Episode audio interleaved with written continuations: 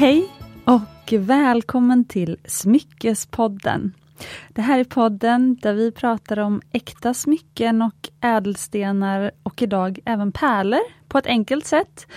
Och så bryter vi normer som har präglat en tidigare ganska strikt och traditionsbunden bransch.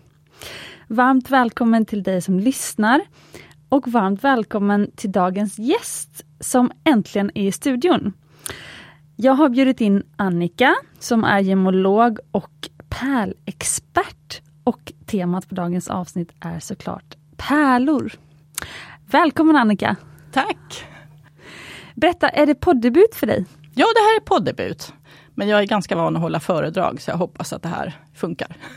det kommer nog gå alldeles strålande. Vi har redan hunnit prata om alla de här fantastiska pärlorna som Annika har tagit med sig in i studion. Och jag kände att innan vi drog iväg för mycket så var det bäst att vi satte på mickarna. Så att inte lyssnarna missar något. Men jag har ju fått tips om dig från flera håll. Och jag vet att många lyssnare har en relation till pärlor och pärlsmycken. Men kan inte du berätta varför du tycker det är viktigt att eh, prata om pärlor? Du kallar ju dig för en missionär nästan inom pärlor.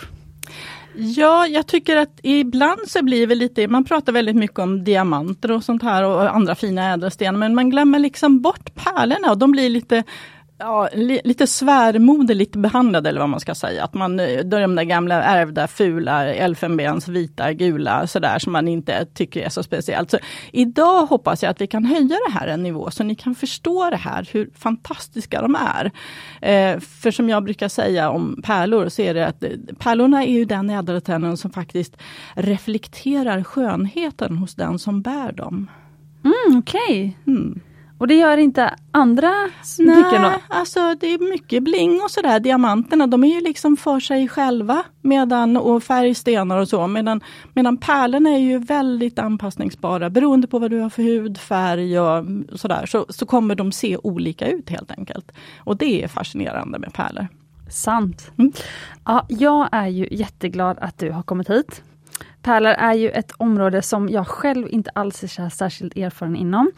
Och eh, jag tycker att det ska bli superspännande att höra all den kunskap som du har att dela. Men först, innan vi går in på huvuddelen, kan inte du berätta vad du har på dig för smycken idag? Oh, jag, alltså jag tillhör de här som är lite dålig på att använda smycken. Det ska man inte säga när man jobbar det här. Men det blir hemma i ateljén så är det jeans och tröja och man drar på sig, jag är hundmänniska också, så att, ja du vet ju själv, det, man behöver inte klä upp sig varje dag men det är nog pärlor varje dag i alla fall i någon form. Alltid pärlor i öronen. Mm, Okej, okay, kul! Mm.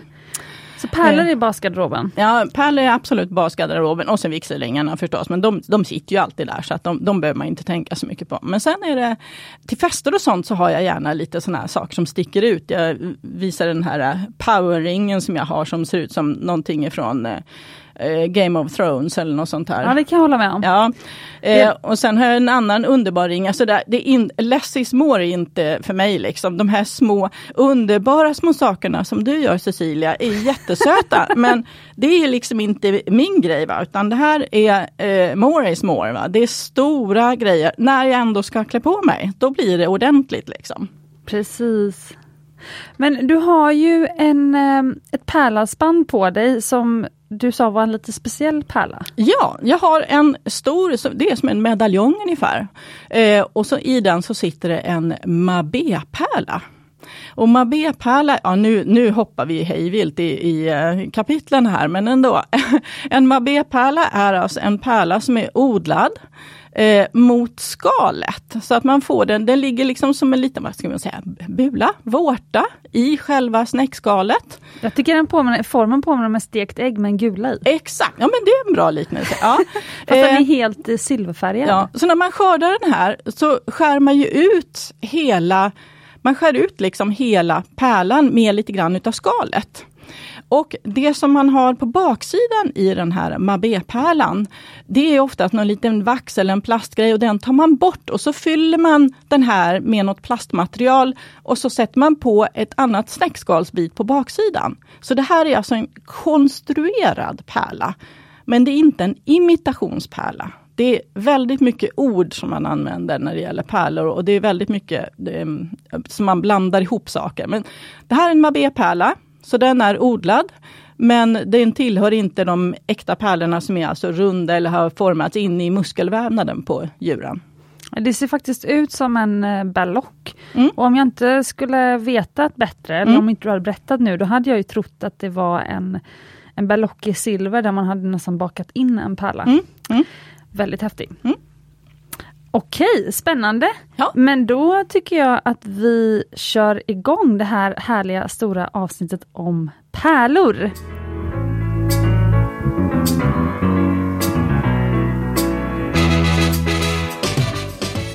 Kan inte du berätta, vad är din bakgrund och varför älskar du pärlor? Min bakgrund, egentligen så har jag jobbat inom IT, biotech och eh, den sidan. Från Apple här i Stockholm i Kista, flyttade upp till Uppsala för nu 30 år sedan.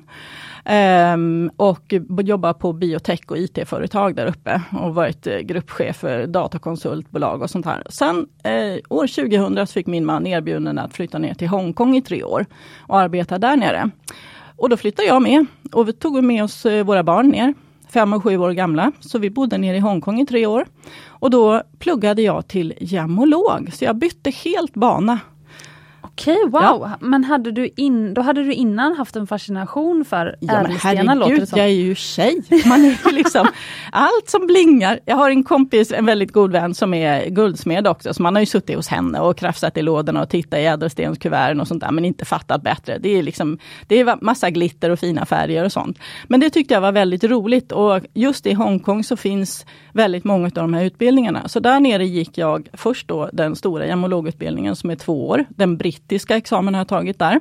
En FGA som det heter. Mm. Eh, och sen så dessutom så finns GIA, det amerikanska institutet, finns också i Hongkong. Så där tog jag en diamantgraderingsexamen och en pärlgraderingsexamen. Så jag gjorde det samtidigt när man ändå höll på. Ångan uppe liksom. Men berätta, vad lär man sig som gemolog då?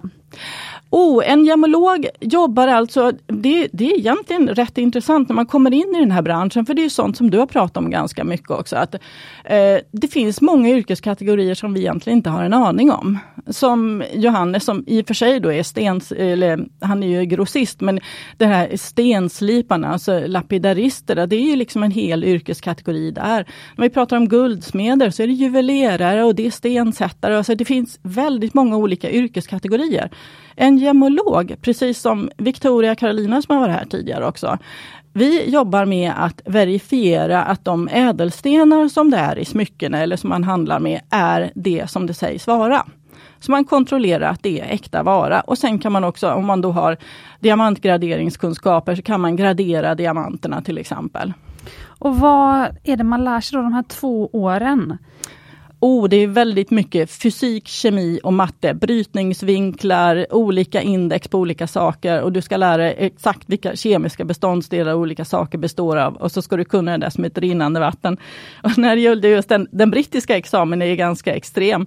Eh, efter två år så skulle man sitta på en tentamina där det var praktisk tentamina på förmiddagen. Tre timmar, så man sitter i laborationssal. Och de lämnar ut prover eh, på olika, man får en plastpåse med någonting i som du ska eh, verifiera vad det är för någonting. Och det, är, det kan vara plastbitar, det kan vara elfenben, det, det, kan vara allt möjligt som de slänger åt en. Man har ingen aning. Och så ska du skriva vad det är, vad du kommer fram till att det är och då ska du ha genomfört en, en rad tester som är relevanta för just det här materialet. Just det, okej okay, det är spännande för att Visst är det så att man tittar på, för ibland kan jag få frågan alltså på Smyckespoddens Instagram eller sådär. Eh, hur, vet man, hur vet jag om den här stenen är äkta som jag har och så vidare.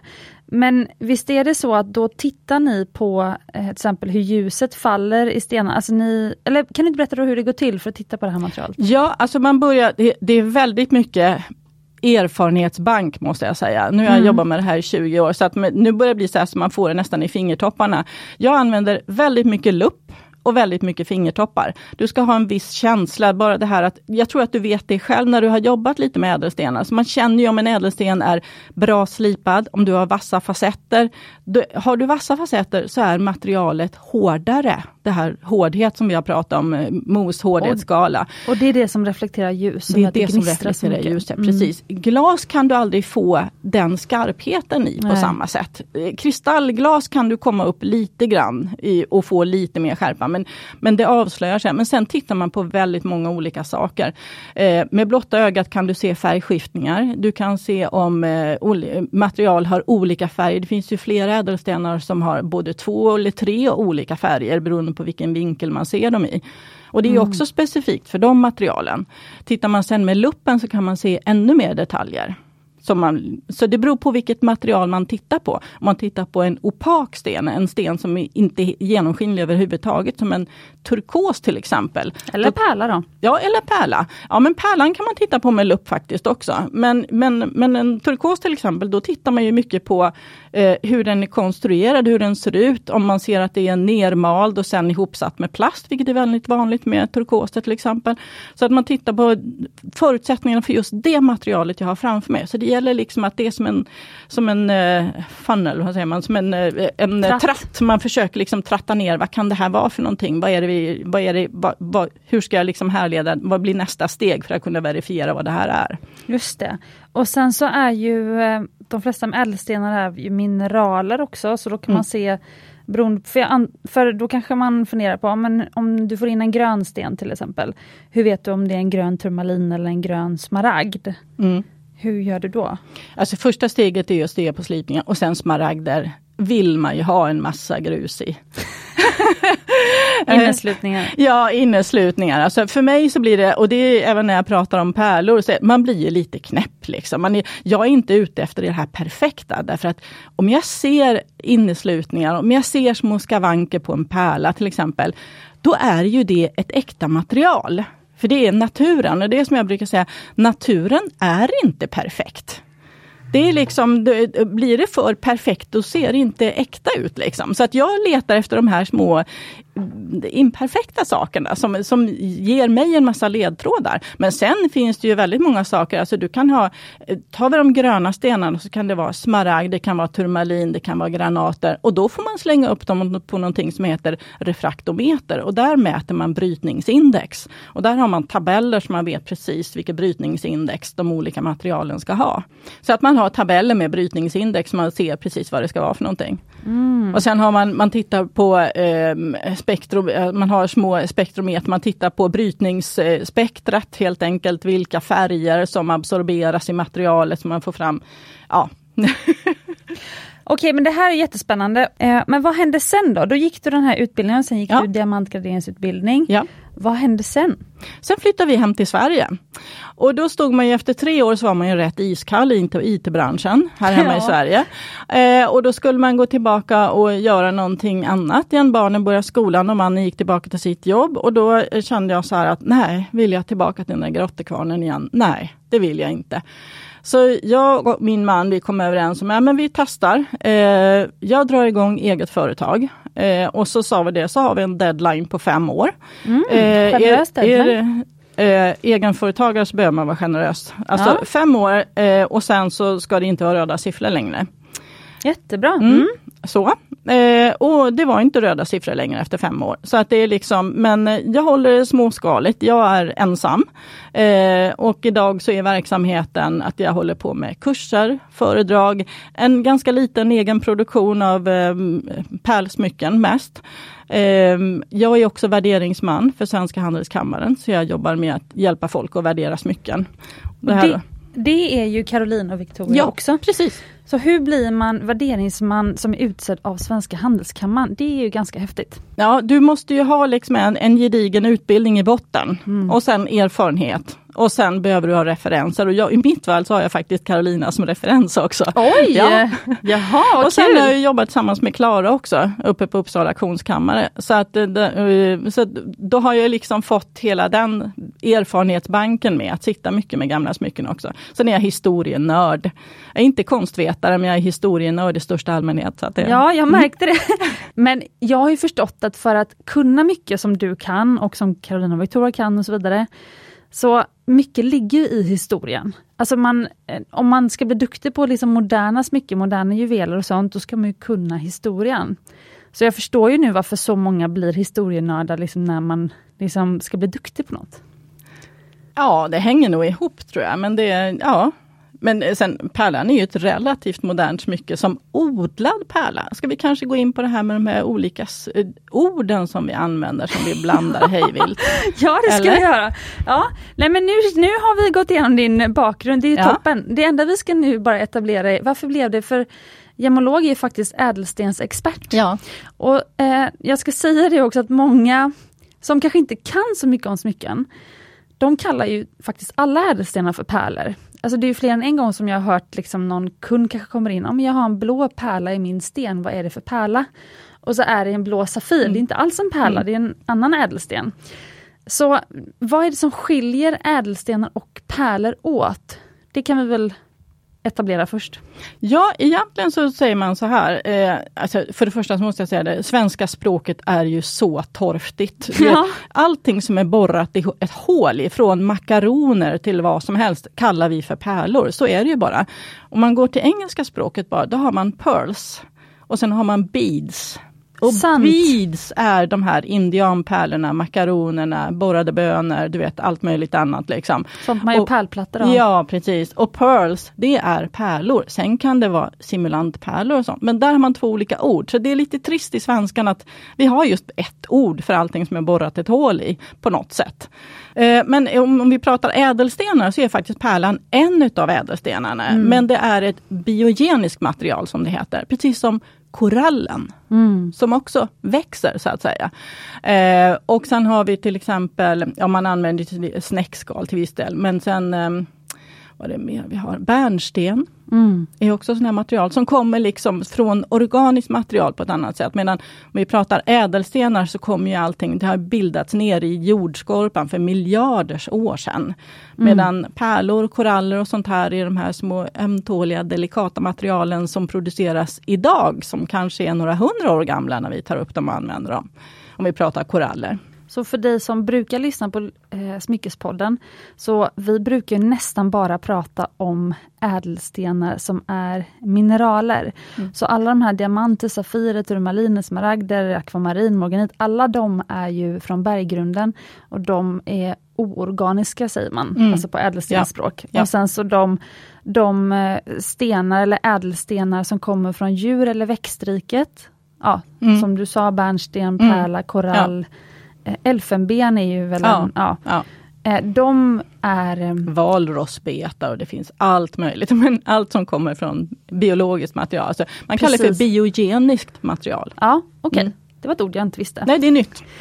Okej, okay, och hur, hur då kommer det sig att du gick från um, att bli, vara ädelstensexpert till att bara falla handlös för just pärlan som då är en, bara en enda typ av ädelsten egentligen? Ja, nej men alltså pärlan för mig är det är någonting speciellt. Jag tror att det blir så när man håller på och jobbar. Jag tror att Caroline och Victoria också har så här att man, eh, man liksom fastnar för någonting speciellt som man tycker är riktigt häftigt. Och för mig så var det liksom pärlorna, alltifrån uppkosten, alltså från Kleopatra och hur, ja. alltså vi, vi snöar in på historia igen, men till hur man odlar pärlorna och hur det uppkomsten och fiskarna utanför Japans kuster, utanför Australiens kuster och sen hur man började odla och, och hela historien med Sidenvägen och hur man har handlat där och så kommer det upp hit till Sverige, alltså, och alla drottningar och kungar som har använt pärlor. Men sen är det även när man börjar titta på pärlor så är det liksom det är ju som små bebisar alltihopa. jag, jag är ju bara helt, jag är helt knäpp liksom.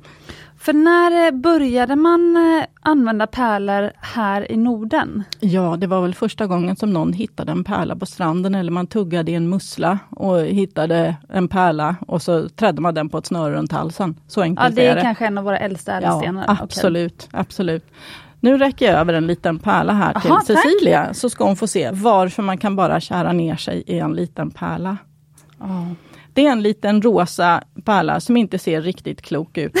eh, men den, det är min lilla Barbamamma och det, ja, det, det är en sån här liten... Ja. Det ser ut som ett litet djuryngel. Ja, Eh, men alltså pärlor är så speciellt. Och sen det finns flera aspekter på det här. Pärlor är ju faktiskt ett av de enda material som vi, det enda vi gör är ju faktiskt att vi tvättar av dem och borrar ett hål i dem. Det är sant. För en ädelsten, alltså en ehm, diamant är ju ingen ädelsten innan den blir slipad Nej. och innan den blir, alltså innan människan har fått sätta Ja. sitt avtryck på den. Ja. Det är sant faktiskt. Och det är väl det jag tycker är så fascinerande också, att de här kommer så här från naturen. Det är liksom Mm. naturens gåva till oss egentligen. Och sen det jag eh, också tycker om med pärlor, det är ju det här att jämfört med diamanten till exempel, som varar för evigt, har de ju sagt i reklamen, eh, så är ju pärlorna är ju förgängliga. Det är ett biogeniskt material som alltså eh, luckras upp. Vi, har med ett par 300 år. Sen bryts de ner. De innehåller väldigt mycket vatten. Så med tiden så torkar pärlan ut. Så det, folk tror att det är en skröna när man säger att man ska bära pärlorna mycket. Men de mår bra av att vara runt nära kroppen. För att vi avsöndrar en massa fukt hela tiden och det mår pärlorna bra av. För att pärlorna har, eh, föds ju i vattnet från början. Och de innehåller ganska mycket vatten. Så det ska man tänka på när man liksom, de ska inte ligga i bomullsaskar i bankfacken, utan de ska bäras runt halsen. Det mår de bra av. Så att efter ett par hundra år så torkar pärlorna ut. Och då kan ett pärlhalsband låta som en liten babyskalle ungefär när man skakar på dem. Då är den här lilla kärnan inuti har torkat ihop och så är det bara ett tunt skal runt. Och då dör pärlan, alltså den, den, det går inte att rädda den. Hur ser man det? Får den sprickor eller? Ja, det man ser på det är om man klämmer på dem så säger det plopp och så är det bara ett litet torrt russin inuti. Så att, eh, och det här kan man själv påskynda då om man är lite märkligt sadistiskt lagd. Då, för då kan man använda till exempel parfymer, hårspray, en massa sådana där medel för att de innehåller en massa tuffa alkoholer. Parfymer idag är inte några pressade rosenblad utan det är en massa tuffa alkoholer. Alkohol torkar ut pärlorna. Så att eh, visst kan man ha det på sig, men ta på er mumma är färdigt först och det sista man sätter på sig är pärlorna. Jag tror att det var någon filmstjärna som sa det, det var något sånt här berömt. Det sista hon sätter på sig innan hon går ut på Metropolitan eller något sånt här, det är pärlorna. Och det första Coco hon tar av sig. Chanel, det måste väl vara Coco Chanel Nej, också? Jag tror om det var Elizabeth Taylor eller något sånt där. Ja. Och det, det första man tar av sig när man kommer hem, liksom, det är pärlorna. Så där, för de, de, de, man måste behandla dem lite med med värdighet sådär. Eh, Alltså inga kemikalier, ingenting. Du ska inte använda någonting på pärlor. För det är många som Okej. frågar mig, ska, hur, hur gör man rent dem? Kan jag använda putsmedel? Nej, nej, nej, ingenting. Inte ens tvål, ingenting. När man gör rent pärlor använder man ljummet vatten. That's it. Okej. Mm. Och så torkar man av med en handduk då? Håller Ja, Mm. det bästa sättet som jag brukar tipsa folk om när de frågar mig, hur ska jag nu hålla mina pärlor snygga? Det är, ha en liten sån här enkel mikrofiberduk, du vet en vanlig sån här liten städduk. Fukta den med lite vatten, den får absolut inte vara blöt, men fukta den lite grann. Och sen tar du, håller överst i pärlhalsbandet när du hänger den bara rakt framför dig och så drar du över pärlorna. Så då får du med dig den här ytliga smutsen som har blivit lite grann från din hud när du har burit dem. Om du gör det varje gång som du har burit pärlorna så kommer du hålla dem fräschare längre. De får lite grann fukt och den lilla smutsen som hinner bli kommer upp i fibermikroduken istället. Men det som hamnar mellan, för ett pärlhalsband, de flesta kanske har pärlhalsband hemma Mm. och, och som också då blir, är kanske lite svårare att hålla rena än Mm. pärlörhängen, kanske lättare Mm. att hålla rena. Men det är ju små knutar mellan varje Ja. pärla. Mm. Hur, de blir väl smutsiga? Ja, de blir smutsiga och det är jättebra för de suger åt sig det mesta utav smutsen. Så att när man trär om pärlhalsbandet, då drar man ju ur den här smutsiga tråden. Och är man eh, professionell och trär om pärlhalsbanden så gör man ju rent pärlorna också samtidigt. Som hos mig får de ett litet spabad när jag trär om dem. Så att man, man tvättar av dem helt enkelt och sen trär man upp på en ny tråd. Man ska inte tvätta pärlorna när de sitter på en tråd medan man använder dem. För det som händer om man använder silketråd till exempel, det är att tråden, tråden töjer ut sig så du får liksom som glapp, att det hänger mellan knutarna. Och eh, det kan man titta på sina gamla ärvda halsband till exempel. Om du har, många frågar mig, när behöver jag trä om pärlhalsbandet? Ja, när du ser att pärlan börjar glida mellan knutarna, att det kan liksom åka fram och tillbaka mellan knutarna. Då är det dags, för då börjar Mm. pärlan nöta av tråden. Så då kommer den snart gå av. Utan den ska ligga fast mellan knutarna. Men eh, att, det, att det kommer en massa smuts på tråden, det gör ju ingenting, för den drar man ju bort sen när man gör rent. Jag brukar jag sa det, berättade det för dig innan här, det blir lite som när man flossar tänderna ungefär, när man drar ur de här trådarna med det där smutsiga pärlhalsbandet. Men det är otroligt tillfredsställande sen när man trär om det med en vit fin tråd, om det är små vita pärlor. Så blir det ju som ett nytt pärlhalsband, alltså det är jätteroligt. Vad, vad finns det för olika kategorier av pärlor?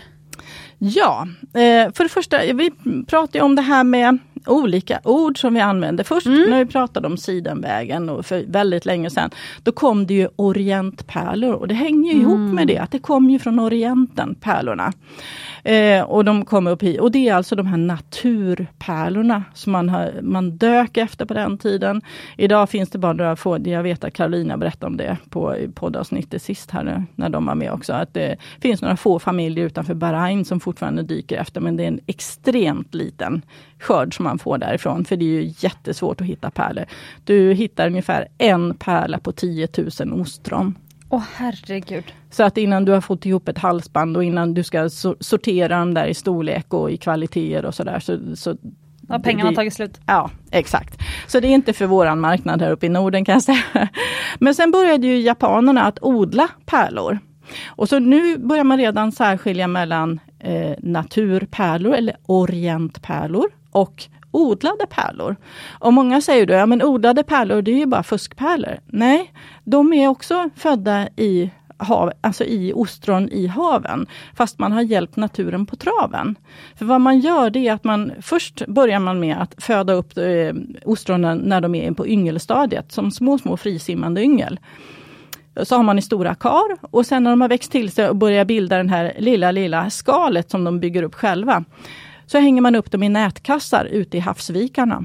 Och till skillnad mot laxodlingar så är det här väldigt renligt därför att vad de här djuren gör det är att de filtrerar vattnet från kväve och andra föroreningar. Så att mhm. det är väldigt bra med pärlodlingar ute i havsvikarna. Sen är de väldigt känsliga. Jag pratade om det tidigare, det är små divor. Det är, de har lite franska nerver. Eh, blir det eh, röda algblomningar till exempel utanför Japans kuster, då dör hela de här ostronbankarna. Så att man, man, de är väldigt känsliga. Blir det för varma temperaturer, för kalla temperaturer, eh, föroreningar i vattnet, oljeutsläpp, och så, då dör de. de. De klarar ingenting. Så att man får, det är liksom, eh, ja de, de, är, de är lite sådär pippliga. Så. Och det gillar jag, liksom, att det inte är sådär självklart allting. Eh, men i alla fall så började japanerna att odla pärlor. Man får in ett litet ämne i den lilla levande ostronet.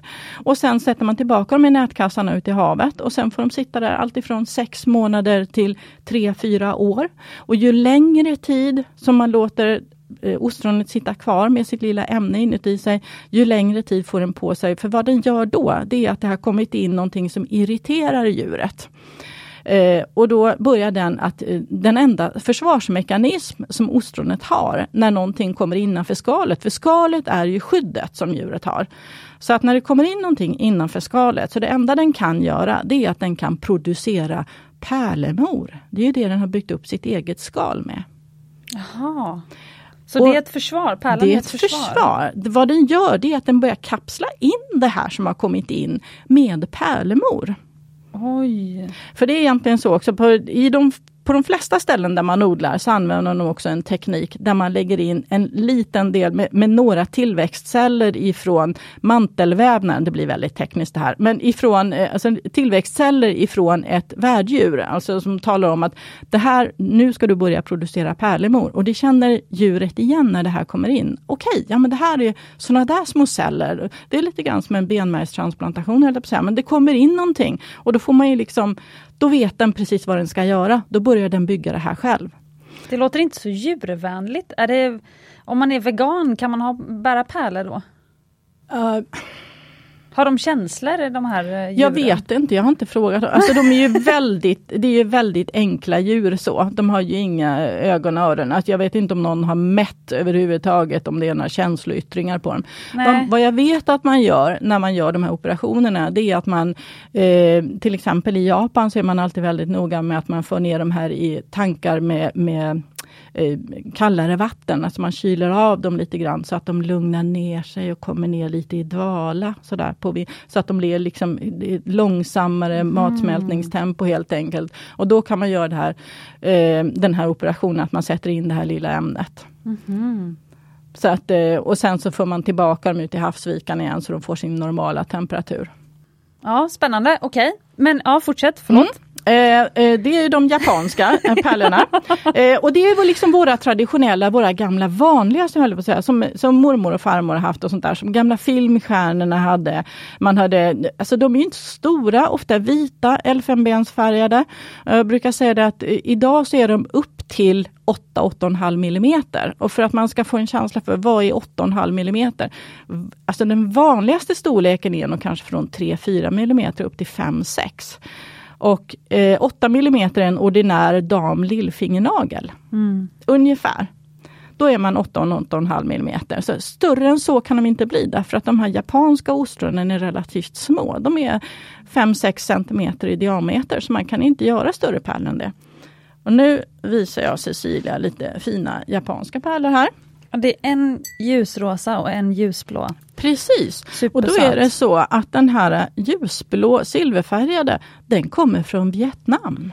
Och de är lite uh, oformliga, alltså de, ja. de här ljusrosa eller vita, de är ju helt uh, cirkulära eller klotformade. Precis, och du de... kan få en annan vit som också är knölig. Ja, för precis, för de blåa ja. var lite knöliga. De ja. blå där, ska jag bara kort nämna, de kommer från Vietnam. Man odlar i samma typ av ostron som man odlar i, i Japan. Men de har en lite silverfärgad insida. Mm. Och färgen kommer alltså från samma pärlemorfärg som värddjuret har som man odlar i. Det är ju den färgen som det blir på pärlan, för den producerar ju samma sak runt pärlan som skalet är uppbyggt utav. Mm. Så blir den silverfärgad så blir det en silverfärgad pärla. Har man ett vitt skal så blir det en vit pärla. Men vad är det för mussla som krävs? Jag är från västkusten, där har vi mm. blåmusslor. Ja, kan jag man... brukar säga så här att uh, ute i haven, saltvatten, så är det ostron. Och när vi pratar sötvatten så är det musslor. Mm. Älvar, floder, insjöar, dammar, då är det uh, musslor. Sen har vi våran blåmussla här som är lite hipp och happ, liksom, bräckvatten så. Men, men frånsett det, så i princip så pratar man om saltvatten och sötvattenspärlor. Skulle det kunna gå att odla en blåmusslepärla? Eh, nej, men jag vet att man har odlat pärlor i Fyrisån, eller snarare gubben Linné, nu är vi på historia igen. Gubben Linné i Uppsala, han odlade faktiskt pärlor i Fyrisån. Vi har alltså en... Carl von Linné? Carl von Linné, Jaha. ja. Eh, och han lyckades hundra år före japanerna att eh, odla pärlor. Jaha. Ja, det är lite häftigt. Men det vart väl ingen vidare ruljans på den businessen så att det, det, det blev japanerna som fick ta åt sig äran sen hundra år senare. Han blev proffs på blommor istället? Ja, han gjorde väldigt mycket annat. Han försökte odla eh, mullbärsträd för att ha silkesmaskar och du vet allt sådär på 1700-talet så skulle man ju göra pengar på allting. Te, kaffe, allt möjligt sådär. Så att det, det, är lite spännande att han har gjort sånt också. Men vi har faktiskt en svensk pärlflodmussla uppe i våra Norrlandsälvar och det var där han fick inspirationen ifrån på sin Norrlandsresa.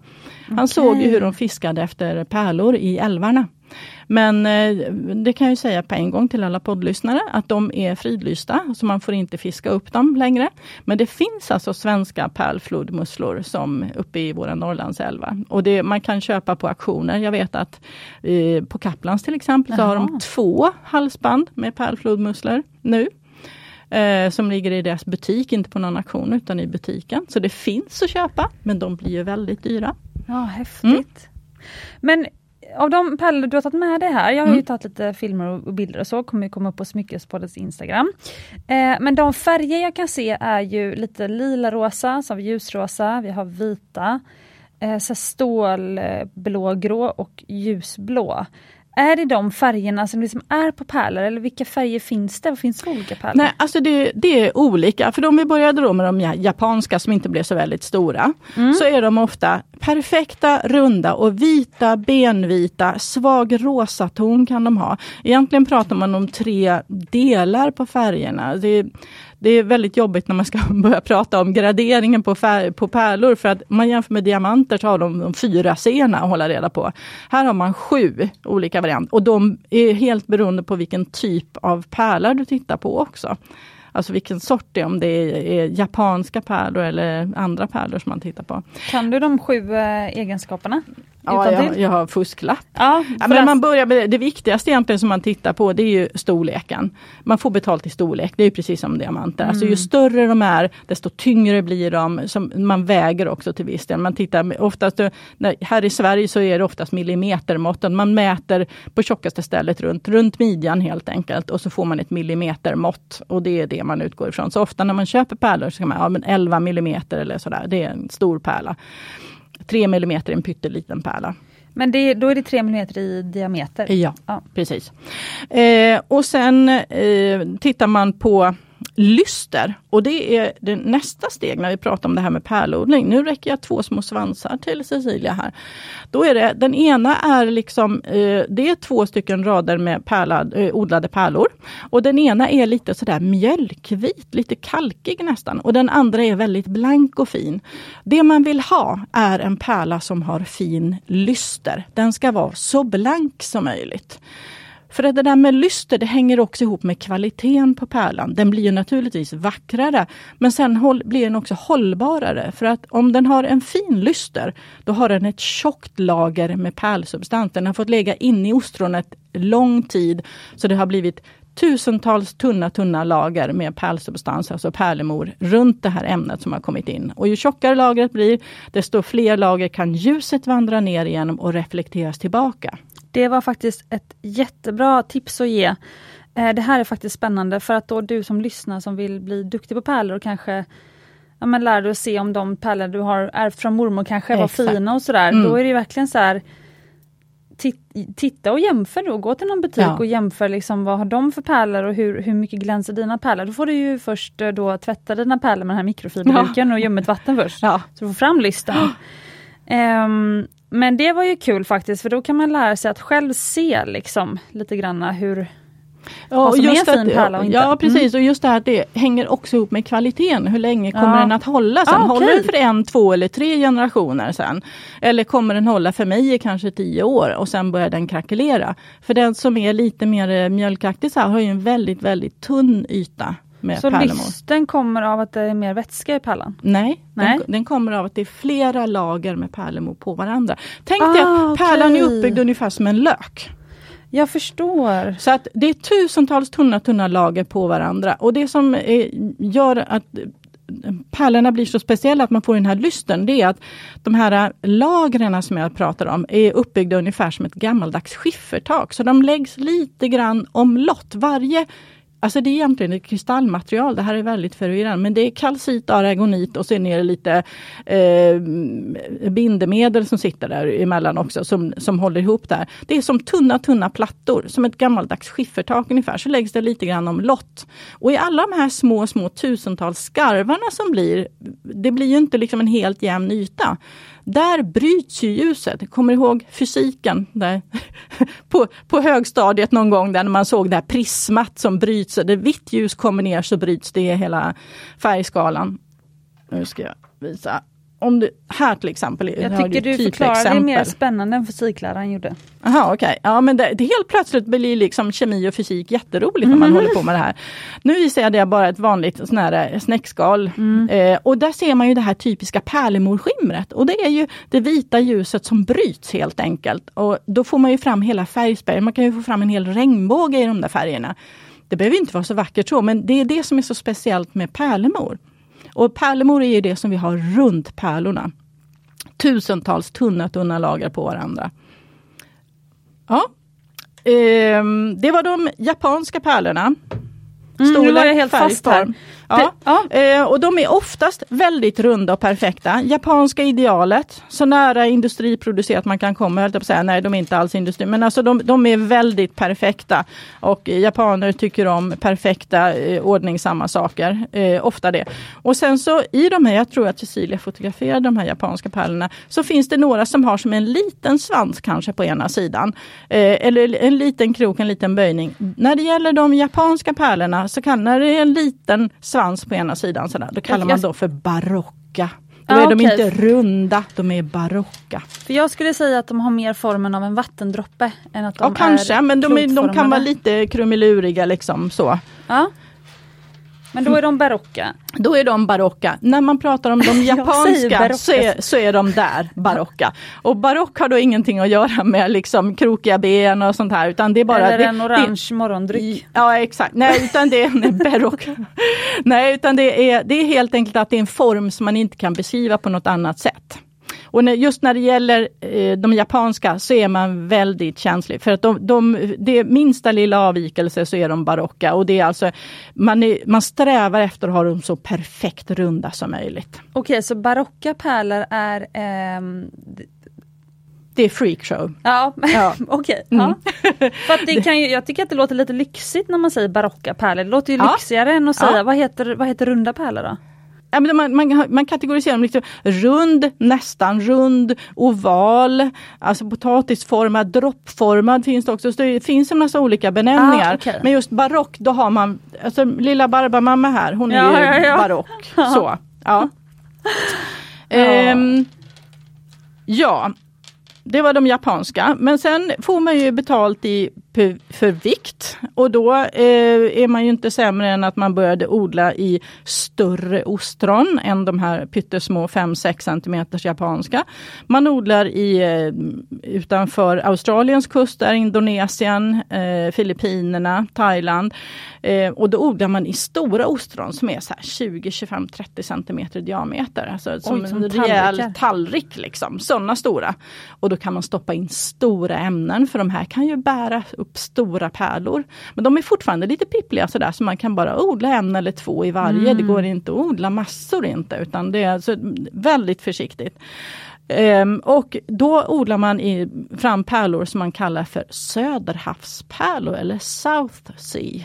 Mm. De är oftast eh, de finns i den här ljusa färgskalan, liksom silverfärgade, eh, vita, nu räcker jag väl lite Men det här är, här. Jag måste bara fråga, för många av oss har ju någon gång hört orden sötvattenspärla och saltvattenspärla. Mm. De japanska, mm. är det sötvattenspärla? Saltvatten. Ja, det, alltså vi, saltvatten. vi har bara pratat saltvatten ja. än så länge. Okay. Ja. Det är bra. Fortfarande. På 70-talet började man odla, alltså, så japanerna var ju ensamma om pärlodling från sek förra sekelskiftet, 1900-talet och ända fram till 70-talet någonstans, slutet på 60-talet när man började odla söderhavspärlor. Men har de japanska pärlorna fått ett eget namn så som söderhavspärla har fått ett eget namn? Ja, man, man brukar kalla dem också efter deras, eh, den typen av ostron som man odlar, det är akoya. Ja okej, okay. så då, då har vi pratat om akoya-pärlor. Ja. Okej. Okay. Och så söderhavspärlor. Mm. Hur kan man se skillnad på en akoyapärla och en söderhavspärla? Framförallt storleken. Ja, de, är eh, de här, nu börjar det komma lite mindre pärlor också, men de här är ju i princip från 8,5 mm, alltså dam lillfingernagel igen mm, och okay. uppåt. Mm. Alltså jag har sett 24-26 mm, vi pratar pingisboll nästan, rejäl flörtkula. Så.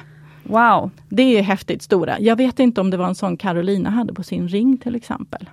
Ja det kan det mycket väl vara. Den var helt mm. totalt gigantisk. Ja. Så mm. att, ja, mm. det kan det ju ha varit. Precis.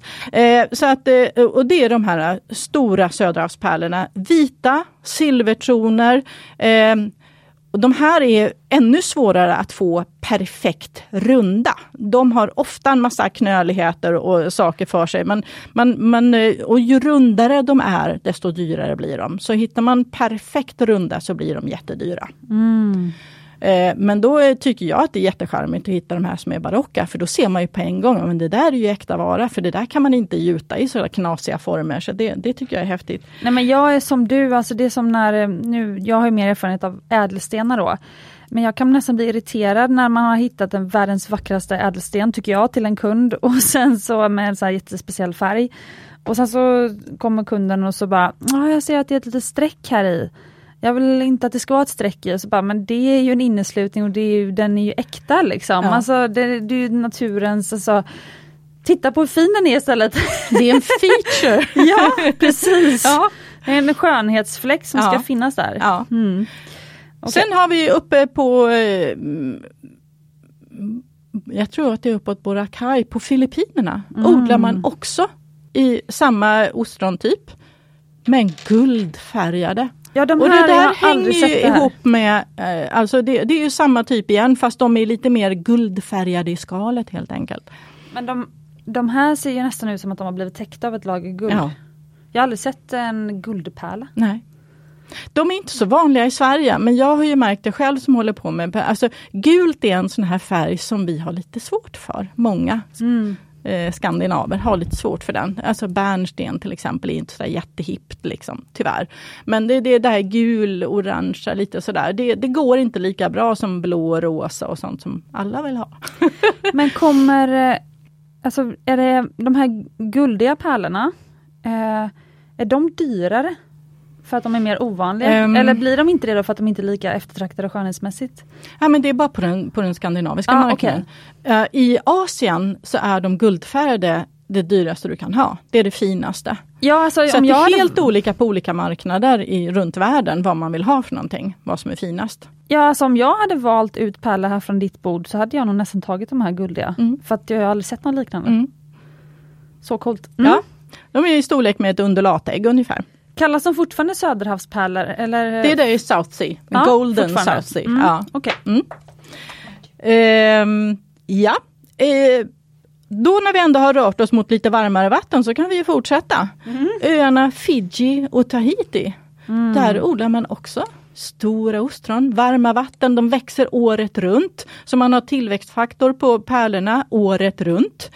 Och då odlar man mörka Tahiti-pärlor. Alltså de här pärlorna då är ju, eller de här ostronen är ju då mörka på insidan. Det är det jag kallar stålgrå. Okej. Det här kallar jag stålgrå. Liksom, så. Ah, Okej, nej för mig är det ljusblått. Jag ska lägga ut på Instagram så får följarna Ja. eh, rösta. Precis. De här kan också ha, nu har du två rader här, en som är riktigt mörka gröna. De kan bli ända, alltså man brukar prata om svarta pärlor också när man pratar om Tahiti-pärlorna. Men de är inte riktigt svarta. Eh, de är mörkt blyertsgrå, mörkt, mörkt blåvioletta, gröna sådär. Så tänk dig olja på vattenfärger. De färgtonerna. Men de kan också ha de här ljusa, över i vita, lite eh, gråguldiga sådär färgtonerna. Men inte alls så distinkt som söderhavspärlorna. Och Tahitipärlor, det är ju ett ord som jag har hört och kanske många lyssnare har hört också. Är de mer exklusiva eller varför har Tahitipärlor fått liksom sitt egna liksom lilla kändisskap? Ja, det är för att de är de här, det är färgen. ah, okej så Ja. a- alla mörkgråa, Ja, mörka. mörka Mm. är eh, Tahitipärlor? Ja, eh, Fiji och Tahiti. Så Ah, de kan okej. komma ifrån bägge ögrupperna. Franska Polynesien. Okej, finns, Ja. det, finns det fler spännande saltvattenspärlor? Ja, det finns det. Nu ska vi gå över till någonting som är riktigt nytt och modernt. Och det är faktiskt sen, ja nu är det, måste jag tänka efter, det är nog mer än 20 år sedan så började Eh, alltså det, jag kan nämna lite grann bara om Fiji och Tahiti och faktiskt Söderhavspärlorna också. Så är det precis som när man odlar i Japan att det är väldigt bra för havet för att man har dem ute i havsvikar och det filtrerar hela tiden. Dessutom ute på de här öarna, små atollerna, så är det liksom, blir det små samhällen som man bygger upp. Pärlfarmerna bygger upp tillsammans med lokalbefolkningen. Så de har skolgång för barnen, de har hälsovård, allting. Alltså jag tycker det är så häftigt. Så de har klarat sig relativt bra under covid till exempel. Därför att de lever i sina små eh, egna samhällen liksom och klarar sig. Det som har varit tråkigt för dem det är att de har inte kunnat sälja sina saker på några stora mässor och sånt här. Så de har inte kom, fått iväg produktionen på något sätt. Men eh, det finns ju de som har, varit, har haft det tuffare liksom under covid. Men eh, det, det tycker jag är så lä läckert med just eh, Söderhavspärlorna och Tahitipärlorna, att man jobbar i nära samarbete med lokalbefolkningen. Alla får arbetstillfällen, alltså man jobbar i flera generationer tillsammans, man lär sig yrket från grunden. Och det finns skolor, alltså de, de, de mår ganska bra där och det tycker jag är så häftigt. Det är roligt när man ser ett sånt samhälle som är uppbyggt på det sättet. Det Eh, säger ju Johannes med färgädelstenar Mm, också, Som, alltså ädelstenar som, som inte är diamanter. Precis. Att det är också ofta lokalsamhällen och Ja. att byarna där just man hittar dem Mm. faktiskt mår ofta bättre än de andra byarna. mm, mm, Eh, men diamanter däremot har blivit ganska standardiserat och de här stora företagen har ju liksom, ja, så det är inte samma sak där. nej, nej. Men det är kul. Mm. Nu ska du få se en väldigt speciell pärla. Den här pärlan heter Cortez-pärla. Den ska du hålla vid fönstret så du ser de riktiga färgerna på den. Det är en eh, pärla som eh, amerikanska, alltså, eh, eh amerikanska marinbiologer tillsammans med den mexikanska lokalbefolkningen, indianstammar i en liten eh, vik som heter eh, Bay of Cortez som ligger i Mellanamerika utanför Mexikos kust. Eh, där odlar man ostron. De är relativt små. Men de här har en väldigt speciell färg. Den är liksom som regnbågsfärgad över hela ytan. Den, den har väldigt speciella färger. Jag tycker det ser ut som en sån Tahiti eller Fiji-pärla fast som är lite inoljad så den får den här liksom gröna ja. regnbågsolja. Tittar man mm. på ljuset så kan man se att det är som en halo liksom mm. runt den. Det är, det, det, är något annat ljus, den kan vara nästan lite rosa. Den kan vara en grön pärla som har en rosa överton. Alltså de är väldigt speciella. Riktigt häftiga och där har man verkligen gått all in för att man vill liksom tillsammans med lokalbefolkningen. Så de gör hela efterproduktion, de gör smycken och de gör allting. Där här lokalt på plats. Mm. Och det är läckert. Och sötvattenspärlor då? Ja, nu kommer vi till någonting helt annat. Ja. Nu börjar vi prata musslor. Nu pratar vi, um, ja man började väl Eh, så kineserna ville ju apa efter japanerna där och jag tror att det, måste varit efter Maos tid. Och så. Men jag säger nu, jag bara höftar till mig någonstans 70-talet. Någonting. Om vi säger att du är ju så ung, men jag som är så jättegammal, jag kan ju tänka mig de här Dallas och Dynasty, de här tv-serierna. Då hade de här stora tjocka liksom, rep med massa små vitknusiga pärlor som man skulle sno i flera varv runt halsen. Jag vet inte om du har sett några sådana någon gång? Jag tänker fortfarande nu Coco Chanel men jag vet inte om jag är fel nej, ute. Nej, hon, hon hade långa ropes, liksom, långa bara sådär. Men det spelar ingen roll, det var de första sötvattenpärlorna i alla fall. Ah, som kom. Och de ser ut som lite risgryn, man brukar kalla dem lite föraktfullt för risgrynspärlor. De var inte sådär jätteimponerade, speciellt japanerna då, som ville ha de här perfekta runda. Sådär. Men, ja, ah, är det den typen av pärlor som används i mer, för jag, jag ser ju att så, med lite mer så hippa, moderna smyckesmärken som inte har jättedyra smycken, de använder mycket liksom ovala små, små pärlor. Är det det som skulle, du skulle Exakt, kalla... ja precis, risgrynsformen. Ja, jag de, skulle kan, säga... de kan ha fin yta men liksom det, formen är ju sådär och de är inte speciellt stora heller. Och det var liksom de första sötvattenpärlorna som kom hit sådär. Och det var ju inte japanerna eller någon annan speciellt imponerad av så att det, det tog ju lite tid.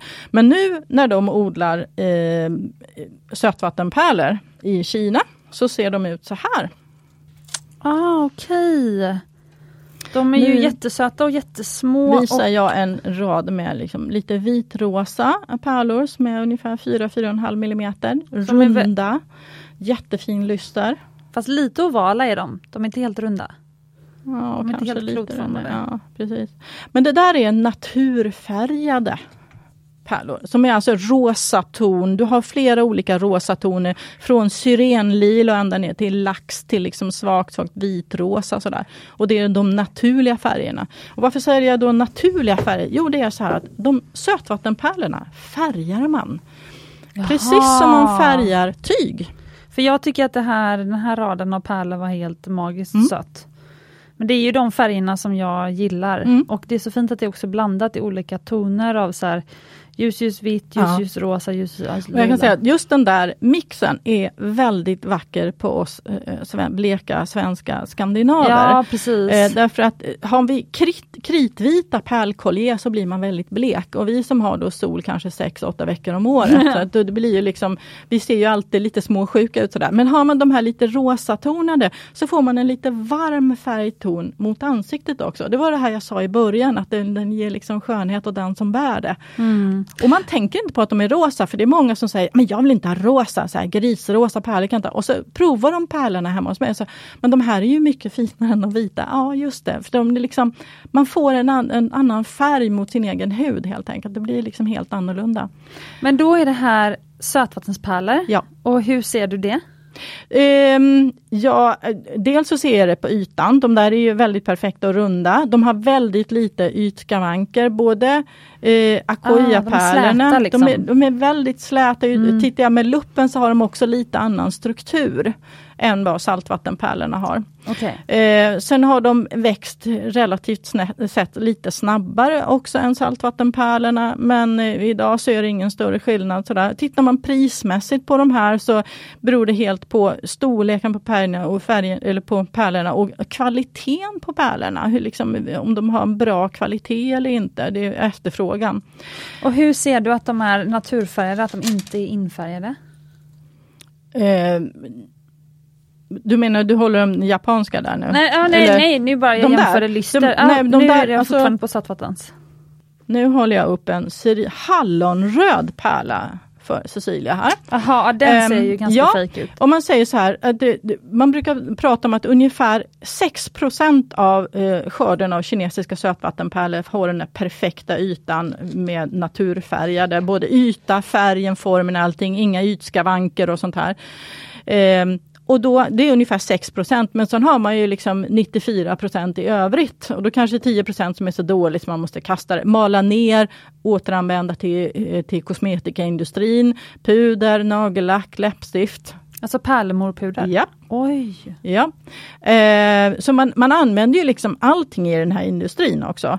Men då är det ju väldigt mycket pärlor som är så här halvdant och då finns det ju tokiga västerlänningar, till exempel här uppe i Skandinavien, som gillar hallonrött och limegrönt och brunt. Och Okej, okay, så om det är en pärla som ser ut att inte vara naturligt färgad, typ som då att de är limegröna eller knallrosa och sånt, då ja. är de nästan alltid färgade? Exakt. Ja. Och då betyder det att då har det varit en pärla som inte haft sådär superkvalitet från början.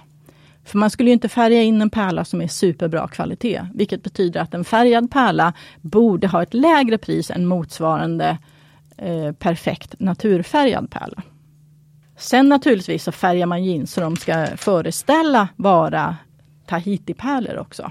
Så man färgar ah. dem mörkt, vad man kallar för peacock, alltså på fågelsfärgerna. Mörkgröna, violetta, blåa och sådär. För jag måste säga, nu håller jag ett par infärgade mörkt, väldigt mörkt stål eller oljegrå eh, pärlor i handen och så har jag också, de är sötvattenspärlor, mm. odlade. Och sen så håller jag de här Tahiti-pärlorna i de äkta, äkta saltvattensvaran i handen också. Och det är ju väldigt stor skillnad i känsla måste jag säga, när man mm. håller dem så här. Men det finns olika, så man kan, in, man kan lura nej, sig på det också? Nej, det går inte att gå på det. Nej. nej, nej. Men det man gör nu, sen är det så spännande med den här branschen. Nu har jag hållit på i 20 år och man säger när jag började, då hade vi de här billiga, billiga sötvattenpärlhalsbanden. Man, man limmade pärlorna på fiskelinor och trädde upp i flera rader och sånt där. Huvaligen, mina små ömtåliga små. Eh, men eh, alltså det, det, var ju för 20 år sedan gjorde man ju det. Sen har det ju kommit jättemycket billiga pärlhalsband, men det är ju fortfarande pärlor. Liksom. De har ju gått igenom hela den här processen ändå. Eh, och eh, idag så har ju hela industrin, först har det varit covid också och då har man ju märkt att de kinesiska pärlfarmerna har ju blivit väldigt drabbade. Det här är ju väldigt arbetsintensivt. Det kräver ju mycket arbetskraft att jobba med pärlodling. Man tar upp alla såna här ostron och musslor och borstar av dem ifrån alger och grejer och ser till att de mår bra. Det gör man en gång i månaden. Så det är väldigt mycket pyssel med det här hela tiden. Så det är inte bara att man slänger ner dem i havet och de sköter sig själva ett år, utan det, det är hela tiden så sköts de om. Eh, och eh, just i Kina så blev man dra väldigt drabbad av covid när det har varit väldigt hårda lockdowns. Så att det har varit eh, Priserna på sötvattenpärlor har gått bananas eh, sista halvåret. Plus att det lilla som kom, alltså de har inte haft några skördar att sälja. Och det som man säljer är eh, gamla restlager som inte ser speciellt roliga ut och till jättehöga priser. Men sen såg man också en rent strukturell förändring på pärlfarmerna redan för 5-6 år sedan och det är att man har gått ifrån den här massproduktionen med eh, stora kvantiteter med pärlor. Man kunde alltså odla upp till 35-40 pärlor i en och samma mussla. Åh gud vilken vacker mussla, herregud vilket konstverk. Nu visar jag ett, ett, eh, skal ifrån en eh, kinesisk pärlmussla där man har då odlat mot skalkanten direkt. Men man kan se mängden Ja, alltså det är ju, det måste ju vara 20 pärlor. Ja, precis. Jag ska lägga upp en bild. Men det här är sötvatten då? Det här är sötvatten, så där kan man se hur stor musslan är. Den är ju relativt stor. Och man kan odla alltså upp till 35-40 pärlor i samma på en gång. Dessutom kan man ta flera skördar, man kan peta ut, pilla ut pärlorna försiktigt och lägga in nya ämnen. och ofta i de kinesiska behöver man ibland inte ens ha något ämne, utan de börjar producera pärlor i samma lilla belåsa som de redan har. Men har de här fortfarande pärlor i sig? Nej, de där har man odlat. Så det är skal? Ja, det där är liksom skal, men det där är ju, de som ligger mot skalkanten där är ju alltså pärlämnen som finns inuti där. Så de är bara, det är pärlor som inte är brutna ur skalet utan de är kvar? Nej, precis. De där har man gjort mabé-pärlor av som jag pratade om tidigare. Ah, det här okay. motskalet. När man, gör, när man odlar pärlor för att få runda pärlor, då sätter man, eh, sätter man pärlämnena inne i muskelvävnaden. Och det är för att den måste ju vara helt fristående från skalet, annars mm. får man ju en mm. platt baksida. Så för att mm, den ska bli förstår. rund så måste den ligga inne i muskelvävnaden. Ja, ja, ja. Ehm, och hamnar då där precis liksom där man öppnar pärlan, i den lilla ja, gångjärnet? De, ja, no, nej, nej, inte där utan det, jag kan visa på den där. Så här sitter ju muskeln och håller ihop den. Ja okej, okay, det är vad jag liksom, kallar gångjärnet. ja precis. Ja men muskeln sitter här men här är gångjärnet. Ja, okay. mm. eh, eh och sen så när det, det, finns ju liksom, då försöker man ju lägga in ut i muskelvävnaden för det, den håller ju igenom hela mm. i princip. Så längst in här så har du eh, gonaderna, det är själva könsdelarna. Mm -hmm. Så det är egentligen bara muskler och könsdelar. Det är inte så himla mycket intelligens i de här. ja, förstår. Ja. Kanske är som alger, de kanske inte har så mycket tankar. Nej. Eh, men men okej, men då låter det som om vi ska liksom sammanfatta lite grann här. Nu har vi ju redan snackat i en timme nästan, nu rusar tiden iväg. Men då låter det som att sötvattenspärlor eh, går mycket mer att massproducera, för du kan också ha många fler fler pärlor i varje mussla. Mm. Och, till skillnad från saltvattenspärlor. Och saltvattenspärlor odlas i ostron och sötvattensodlar i musslor. Ja. Det är de två skillnaderna, mm. eller? Mm. Och sötvattenspärlor är ofta mindre än saltvattenspärlor, eller? Nej, inte alltid. Nej, inte alltid. För det man har gått ifrån nu när jag pratar om att man tittar mer på kvalitet än kvantitet. Förut så ordade man mängder. Man bara öste ut billiga pärlor i ganska skruttig kvalitet som man färgade in i horribla färger. I Men, sötvatten? I sötvatten. Ja. Men det man gör idag, det är att man odlar väldigt mycket större pärlor mycket mindre mängd pärlor men stora och högkvalitativa. Så nu odlar man de här stora barockpärlorna. Även här, i sötvatten alltså? Det här är sötvatten. Ah, Okej. Okay. Det är bara sötvatten som har de där barockpärlorna. Och här har du silvertonade också som är naturfärgade. Och de är alltså någonstans, de är 15 mm i diameter och upp mellan 17 och 22 mm på, på längden. Liksom. Det är jättestora pärlor. Och det som är så kul nu, det har ju blivit så trendigt bland killar också att ha de här stora pärlorna istället för guldkedjor. Så ja. är det de här stora barockpärlorna. Ja det, det berättade Carolina att hon hade gett till sin son, han hade ja. önskat sig det i julklapp, fantastiskt. Ja. Men för jag har nämligen, jag berättade på Instagram att eh, jag skulle ha dig, eller mm. jag, jag sa inte att det var du, jag sa att jag skulle ha en pärlexpert i studion. Och så frågade jag om lyssnarna hade fråga. Och då var det just en lyssnare som frågade lite på det här temat, alltså hur vet man om det är naturliga, odlade eller falska pärlor och då frågetecken, är det plast om det är falska pärlor? Så att jag tänker att det är ju en väldigt spännande fråga att mm. liksom försöka svara på. Mm. Och sen också då eh, en följdfråga på det blir ju, för, från mitt håll i alla fall, hur kan man se om det är sötvatten eller saltvatten bara på de, det man har hemma?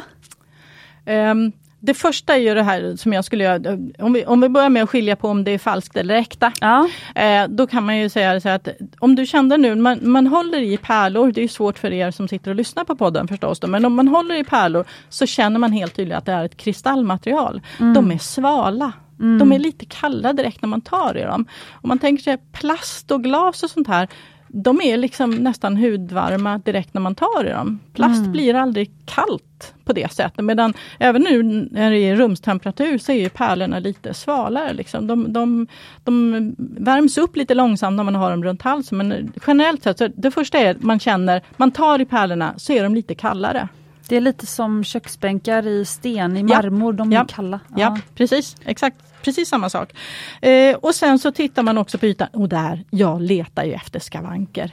Ser jag, alltså pärlor för mig, även i en sån här perfekt liten jämn vit rad ifrån Japan. Så om man tittar på dem, så det finns inga enäggstvillingar. De är syskon. De är väldigt snarlika men de är individer. Det kan vara någon liten eh, skönhetsprick, det kan vara någon litet streck någonstans, det kan vara lite färgnyansskillnad. Alltså de är syskon. De är väldigt lika men de är inte identiska. Det är typiskt för pärlor. Eh, har du plastpärlor så är de gjutna i en form, de är exakt likadana allihopa. Det finns mm. inga individer i dem.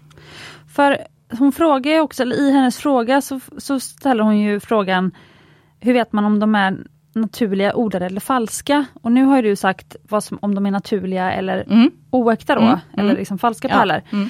Men det här med odlade då, är, stämmer det då, som känns som jag pratar med det här avsnittet, eller om jag har tolkat det rätt, att i princip allt vi köper är odlat för yes. det är bara familjen i Bahrain ja. som har ja. råd med Eller om man köper på, på auktioner. Och idag, ja just det, gamla smycken. Ja, mm. gamla smycken. Alltså, tittar man på auktioner och tittar så, så står det ju orientpärlor och för att få kalla det orientpärlor eller naturpärlor så ska det vara eh, undersökta i gemologlaboratorium annars så för prislappen är helt annorlunda. Eh, och då ska man verkligen veta att det är. Tidigare så kunde man bara genom röntgen se hur de ser ut för då såg man ju igenom pärlan om det fanns ett sånt här ämne inuti pärlan eller inte. Ja okej, okay, för de naturliga, eller förlåt, de, de som inte är odlade, de har inget insprutat ämne? Nej, eller insprutat, alltså det är en, det är en fast pärlemorbit. Om man säger så det man gör ämnet av, det glömde jag nämna, det är alltid pärlemor, det är alltså en bit snäckskal, det är aldrig plast. Det är mm. aldrig en mm. plastkula inuti en pärla, utan det är en bit snäckskal. Det är alltså samma material som, som det här djuret känner igen. Mm. Så det är aldrig någonting som man liksom, det går aldrig att odla på plast eller elfenben eller någonting sånt. Det går, fortfarande idag så är det bara det man kan odla på. Det är jätteintressant. Mm. Ja, jag kanske skulle bara utveckla det lite mer, den här med ja, eh, Eh, just det här med eh, hur man ser skillnad idag, så är man faktiskt tvungen att vara ännu mer sofistikerad än så. Så på gemologlaboratorierna går man faktiskt in med sån här Raman-spektroskop. Man går ner alltså på de kemiska beståndsdelarna för att se, för att det finns så mycket odlade pärlor som är så bra kvalitet så att man måste liksom eh, gå ner på kemisk nivå för att kunna särskilja det ena från det andra, där de har lite olika beståndsdelar beroende på var de har växt. Vi pratar liksom DNA-spårning. Men då pratar vi fortfarande att skilja på odlade eller upphittade spontana Odla, Odlade eller naturpärlor ja. som man kallar dem för. Och jag tycker det är lite fånigt för att alltså, de odlade pärlorna är ju också formade i naturen.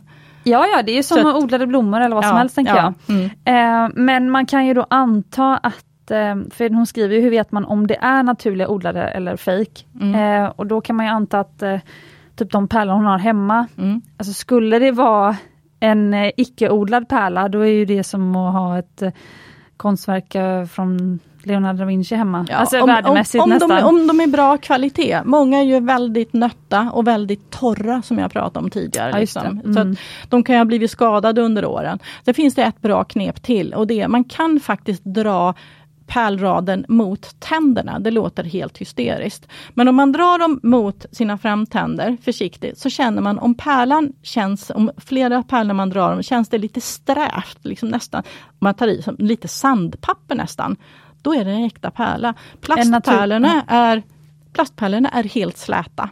Det blir som ett nagellack bara. Den är helt slät. Den har ingen ytstruktur. Medan en äkta pärla, alltså en natur, eller, eh, odlad pärla, odlad eller naturpärla, eh, har ju den här pärlemorstrukturen med de här tunna, tunna plattorna som vi upplever som lite sträv när man drar mot tänderna. Men det är bra. Men då kan vi, då kan vi eh, förtydliga det då, att eh, Både odlade och naturpärlor är äkta pärlor. Och de ska ha en lite sträv yta. Nej, nu får vi vara försiktiga. Nähä. Äkta pärlor får man bara kalla naturpärlor och Jaha. orientpärlor får. Ja.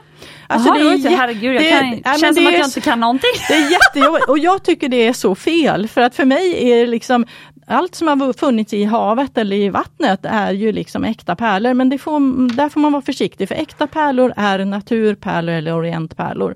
Och sen är det odlade pärlor. Så man har distinktionen odlade pärlor eller äkta pärlor.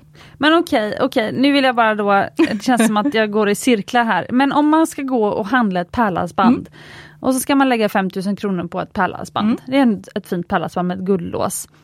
Då, då går man till en butik och köper odlade pärlor då? Ja. ja så det, man får aldrig en så att säga äkta pärlhalsband för 5000 kronor i så fall? Eh, osannolikt, du skulle kunna hitta det på auktion men då är de ganska skröpliga. Ja, för de är väldigt gamla då? Ja, då är de gamla och ganska slitna. Ofta blir de väldigt slitna vid låset och har börjat gått sönder. Liksom och sådär, så att det, men om ja. man skulle googla, det står ju alltid bara pärlhalsband. Det står ju inte odlat pärlhalsband. Nej, precis. Så då, ja, men då ska man veta det att det alltid är odlat i princip. Ja, ja. Okej, men eh, vad bra. Jag hoppas inte att eh, jag snurrar till det för alla lyssnare. Det blir mycket frågor på det. Men vi har fått en till lyssnarfråga i alla fall. Eh, och det är hur åldersbestämmer man pärlor? Ja men det kan man inte göra. Nej, okej. Nej. Det, alltså det finns inget sätt att, ja man, kol 14 metoden eller något sånt där, om man skulle sätta igång med det kanske man kan se det. Men om vi jämför med ädelstenar så är de här, alltså pärlor generellt sett, det finns ju väldigt få pärlor som är mer än 100 år gamla. Vi har ju Ebba Brahe-pärlorna till exempel som Carolina kan prata mer om någon gång till exempel. Så ja men de har nog nämnt i något, Ja, avsnitt, något gammalt avsnitt från ja, förra året. Mm. Precis. Men, men annars är ju pärlor, alltså det, det kan vara de äldsta pärlor som jag har sett här i Sverige, de är ju från typ eh, förra sekelskiftet, 1900, 1910, 1915, 1920 sådär, odlade i Japan. Mm. Som sjökaptener har tagit hem hit till Sverige. Mm. Okej. Ehm, vi ska ru- börja runda av. Och eh, den här säsongen så har jag ju förberett några frågor. Du har ju lyssnat på några avsnitt vet jag, så du kanske redan smygförberett det här, jag vet inte. Men vi kommer köra fem snabba i alla fall. Mm. Ja. Eh, och eh, tanken är ju då att du svarar snabbt utan att tänka och sen så får du chansen att förklara det då efteråt. Mm. Mm, hur känns det? Ja, det är okej, kör! Ja, okej. Ett, två, tre. Vitguld, rödguld eller platina? Ja tack, allting. Men jag har fäbless för roséguld, bara för att vara tvärt Ja, emot. okej, vad kul! Ja, den har jag inte ens tagit med. Nej. Jättekul, då ska vi komma tillbaka till det. Diamanter eller färgädelstenar? Färg. En pärla är en färgädelsten eller? Nej, Nej, okej, nej. Okej. Skräddarsy personliga smycken eller investera i klassiker? och skräddarsydda. Mm. Eller Hal- blanda, eller ja du vet, allt på en gång. Halsband eller örhängen? Örhängen, Ringar eller armband? äh, ringar. Det var dem. Mm. Okej, vad kul. Roséguld, berätta.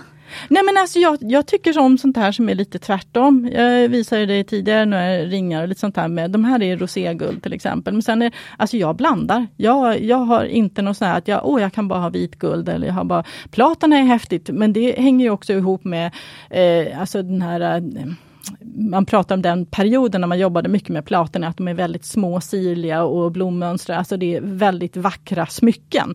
Så det kan ju vara en sak, men det är liksom, ja nej men annars är det, jag har nog vad som helst. Mm. Och diamanter eller färgstenar då? Nu känner jag att du borde ha haft med pärlor, fast det var ju tur, för då hade du svarat pärlor. Men nu svarar du färgstenar då? Ja, ja nej men det är alltid färg. Ja. Jag äger inte ett enda svart klädesplagg. Det är liksom det här, du vet, vårsvart, sommarsvart och höstsvart. Det är, att det, vi är så tråkiga här i Sverige. Det är så många som har svart och grått hela tiden. Jag har aldrig svart. Så det är alltid färg. Okej, jättehärligt tycker jag. Mm. Är det någon mer som nu, nu har ju jag, för jag var nyfiken själv, vill du, är det någon annan som du känner så här vill jag förklara, för, förklara varför jag valde? Nej, det vet jag inte. Nej. Nej, Nej, det var det. Mm, kul! Eh, nästa fråga som jag eh, brukar ställa varje gäst, det är vem i branschen inspirerar dig? Oh, det är många. Um, jag har kontakt med flera små guldsmeder ute i landet som kontaktar mig för att få tag på pärlor när de ska göra speciella saker. Det är jätteroligt. Sådana här som uh, ensamföretagare som sitter och knåpar på grejer. En kille som sitter och graverar stora barockpärlor och gör dödskallar och sådär. Det, är- det, det är högt och lågt. Det är så jättehäftigt. Och sen just, de ställer ju lika, de ställer ju samma frågor till mig, för det är ju nästan ingen som kan någonting om pärlor. Och hur, vad man måste tänka på och sådär. När han ska gravera de här dödskallarna. Du kan ju inte gravera för djupt, för då kommer du ju ner i, i pärlämnet inuti. Va? Sitter det en kula inuti? Jaha, du vet, så här. Det, det, sånt är ju jätteroligt. Men sen är det, det finns eh, flera stycken internationella som är väldigt duktiga på att jobba med pärlor och jobba på eh, olika sätt. Det är bland annat en japansk firma som heter Tagasaki som har en grekisk-brittisk eh, designer som heter Melan, ja nu ska jag säga Georgiopoulos. Jag, kan, jag ger dig länken för att mm. lägga upp den. Hon, har, hon gör liksom en twist på de klassiska pärlsmyckena. Om man tänker de japanska pärlorna, men det här är en twist på och jag älskar det. det är liksom, hon vänder ut och in på saker och gör något helt annat som så här kan man ju inte göra med pärlor. Jo, så kan man göra med pärlor. Och sen dessutom så använder hon material som inte är så kostsamma. Och det tycker jag är häftigt också. Hon använder till exempel pärlemor som inte är ett så dyrt material och gör jättehäftiga pärlemorinläggningar på armband och sånt här som är supercool. Mm. Mm. Okej, då kommer följdfråga från mig här. Pärlemor, kommer de alltid från de här... Snäckskal. Ja, det är mm. alltid det. Mm. Okej, bra. Yep. Så det är i princip pärlämnen då som hon använder till att skapa smycken? Ja, fast hon använder den stora delen ifrån skalet. Liksom. Ja. Det, ja. Smälter man ner den då? Nej, nej, nej. nej? Man får bara skära tunna skivor använda. Ah, wow. Som det är. Ja, ah, okej. Okay. Eh, och så sista frågan eh, som jag brukar ställa gästen är, vem tycker du som ska komma till Smyckespodden? Ja, det måste ju bli en pärlmänniska. om, ni, om du kan klara av det, men en, en dansk tjej mm. som heter Kira Kampman som har ett företag som heter Markarit och hon jobbar just med, väl, alltså med, vad var det vi kom fram till att det hette? Det var alltså sustainable pearling. Hon jobbar med pärlfarmer. Bärkraftig. Ja precis, med, med eh, alltså pärlfarmer som... Hållbara som, odlingar. Just det, precis. Jättespännande tycker jag. Hon är jätteduktig. Eh, men sen så har jag kommit på nu att vi har inte pratat så mycket om ditt företag. Nej. Du har ju en webbshop och sådär. Mm. Alltså för det är spännande nu. Jag kan tänka mig att det är många nu som kanske vill lära sig ännu mer om pärlor eller bli inspirerade eller kanske smyckesdesigners eller guldsmeder som lyssnar. Mm. Eller man sitter hemma och kanske vill börja göra, göra egna pärlsmycken. Ja, ja. ja. Så jag tänkte att du får ju liksom eh, du har ju tagit dig hit och sådär så att nu vill jag gärna att du ska få chans att liksom berätta om vad du gör om folk vill liksom komma i kontakt med dig. Det är ju roligt. Ja, okej. Okay. Jag har mm. ett företag som heter Pirum och det är väldigt enkelt att hitta mig på pirum.se. Mm. Och där finns alla mina olika grenar som jag jobbar med. Jag, alltså min, jag har en liten smycke, smyckeproduktion. Jag är inte guldsmed utan jag samarbetar med guldsmeder som vill göra egna jobb och sådär, eller gör jobb åt mig. Eh, och sen är jag värderingsperson då för Svenska Handelskammaren. Jag håller kurser och föredrag och kurserna är eh, både pärlträdningskurser, det är eh, smyckeproduktion, alltså det är enklare form att göra öglor men vi jobbar bara i äkta material. Vi jobbar i silver, ädelstenar och pärlor. Så det är inga plast och inga konstiga legeringar eller någonting sånt där utan man kommer till mig för man jobbar med riktiga grejer. Det är kul. Och sen kan man läsa på lite grann. Du, har inte du Precis. blogg och sådär? På, jo, på ja, men eh, sen ja. har jag Instagram och ett Facebook-konto och sådär. Lägger ut en hel del grejer. Jag har lite på min hemsida finns det också eh, mer information om till exempel som har varit aktuellt nu, syntetiska diamanter. Ja. Var, när, hur. Eh, mycket om pärlor. Det finns en hel pärlskola där. Eh, just det här som vi har pratat om idag med salt och sött och var de kommer ifrån, hur man odlar och sådär. Så om det var rörigt idag så djupdyk där. jag känner att det var jag som rörde till det för Nej, men, ja. Men. Eh, ja, men då är det www.pirum.se ja. och på Instagram är det Pirum Pearls. Precis, nu ger jag dig den där. Ja, så du Pirum kan skriva. underline Pearls. Ja precis, de har Jättebra. lite olika men det, vi lägger upp länkarna så är det lätt att hitta. Mm. Ja. Kul! Är det någonting du vill säga till lyssnarna så här på sluttampen? Åh, använd mer pärlor. vi pratar, ja, men om vi pratar, det jag tycker är så roligt med pärlor, det är ju faktiskt att det är ett material som i de allra flesta länder, det går ju faktiskt att hitta ganska överkomliga prisnivåer på pärlor. Om man jämför med att köpa diamantringar och så. Även om man köper på auktioner och sånt så drar det ju iväg. Men det här är ju någonting som, som är en ädelsten och som faktiskt de flesta kan köpa. Och när jag pratar, många av mina smycken som jag säljer fast det är, liksom, det är ju äkta pärlor och eh, jag jobbar bara med 18 karat guld och silver. Och då är det ändå priser som är ungefär på bijouterier. Och då förstår jag inte varför man går och köper bijouterier.